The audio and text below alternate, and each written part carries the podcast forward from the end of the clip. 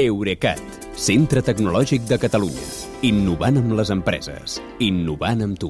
Albert Cuesta, bona nit. Bona nit, Kilian. Avui parlem d'un amic teu, Mark Zuckerberg. Eh? Eh, tornem a parlar de la seva empresa Meta, eh? Sí. Els internautes europeus ens podríem quedar sense Facebook ni Instagram per sempre? Això és així? Uh, ja, Meta, que és com es diu ara l'empresa matriu de Facebook, Instagram i WhatsApp, uh, contempla la possibilitat de tancar les seves xarxes socials a Europa si no se li permet continuar processant les dades dels ciutadans europeus als seus servidors dels Estats Units. Això eh, ho diu només una frase a la pàgina 9 de la 134 que té l'informe anual que Meta ha presentat a la Comissió de Borsa i Valors d'allà. Ja, però, però és una frase, però ha degut aixecar polseguera, eh? Home, s'han disparat totes les alarmes, si més no entre els que feu servir Facebook, Instagram o totes dues.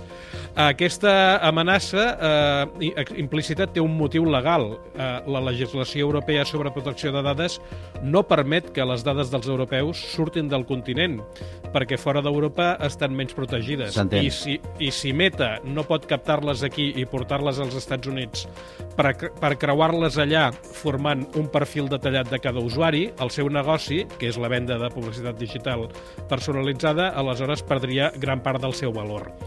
El cas és que Meta porta anys fent aquesta exportació de dades acollint-se a diversos buits legals, però el Tribunal de Justícia de la Unió Europea li ha dit que prou, i no una, sinó dues vegades. La primera, de fet, va ser l'any 2015, que quan aleshores la Comissió Europea i el govern dels Estats Units van negociar una cosa que s'anomena l'escut de privadesa, Sí. que sup suposadament equiparava la protecció de dades personals aquí i allà. Però el juliol del 2020, aquest mateix tribunal va tornar a sentenciar que la legislació dels Estats Units sobre vigilància de les comunicacions electròniques, de fet, permet que l'Agència Nacional de Seguretat, la famosa NSA, se salti de tota manera aquest escut. Per tant, les dades dels europeus, en última instància, continuen quedant al descobert. Sí, però, si m'ho permets, eh? Aquí hi ha una cosa que ens deixa una mica preocupats, més enllà de si en tindrem o no en tindrem, si marxa o es queda. Uh -huh. Quines dades personals nostres de cadascú de nosaltres són? De què parlem exactament? Aviam, per una banda, hi ha les que els usuaris de Facebook i Instagram com comuniqueu explícitament a les plataformes, Sí. no? que li dius com et dius, eh, amb qui estàs, s'entén. eh, tot això. Però també hi ha les que s'infereixen de relacions de seguiment o d'amistat amb altres usuaris, és a dir, dos, dos usuaris que es coneixen, eh, que estan connectats per amistat, per exemple, eh, si un, a un li interessa una cosa és possible que l'altre també, Ja. I sobretot hi ha les que la xarxa publicitària de Meta captura a partir de la vostra activitat amb les webs que visiteu i les aplicacions mòbils que feu servir i que inclouen els codis de rastreig de Meta. Uh, jo, de fet, penso que quan diem que Zuckerberg us coneix millor que vosaltres mateixos, no estem exagerant, eh? Uh, també et dic que, aviam, que consti que jo la publicitat personalitzada no la trobo malament. També és el negoci de Twitter, de Google o de LinkedIn, per dir-ne només tres.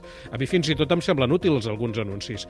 Però és que quan es tracta de Meta, jo crec que cal tenir present també la marca de respecte per la privadesa que han demostrat repetidament.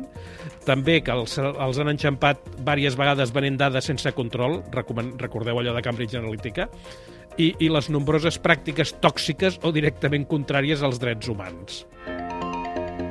I escolta'm, creus que això passarà, que Facebook i Instagram acabaran tancant a Europa? I si ho creus, o és possible, o és viable, o és factible, quan pot passar això? A comencem pel final. Uh, la decisió encara no està presa. Si més no, Meta està esperant a que es resolgui un recurs que va presentar contra la decisió de l'autoritat competent d'Irlanda, que és on té la seu, i no es preveu que això passi abans de l'estiu. Però, per altra banda, hi ha que diu que Meta no renunciarà de cap manera als usuaris europeus, que el trimestre passat va ser 309 milions, si comptes només els de Facebook, i 430 milions amb tota la seva família de serveis. I no renunciaria, sobretot ara que ha perdut usuaris per primera vegada, com explicàvem dijous. Sí.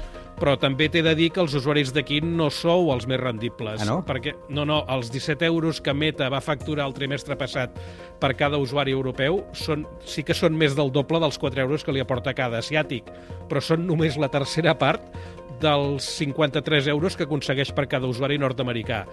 Vull dir que si Brussel·les els complica gaire el negoci, potser no els surt a compte continuar donant aquests serveis sense obtenir el mateix rendiment que n'està traient ara. Doncs mira, dues coses. Una, eh, eh, acabem de saber el, el preu que tenim per ser europeus, una mica, eh? el valor que tenim per, per ser per, europeus. per Meta sí, per Zuckerberg sí. per Meta i per Zuckerberg, una sí, i, i, i la segona, a diferència de tu, tots aquells que fan servir Facebook i Instagram, que en són uns quants, ja poden començar a buscar alternatives, no?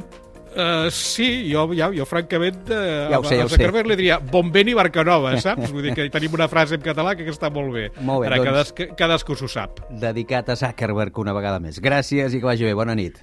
Bona nit, Kilian. Fins demà. Eurecat, centre tecnològic de Catalunya. Innovant amb les empreses. Innovant amb tu.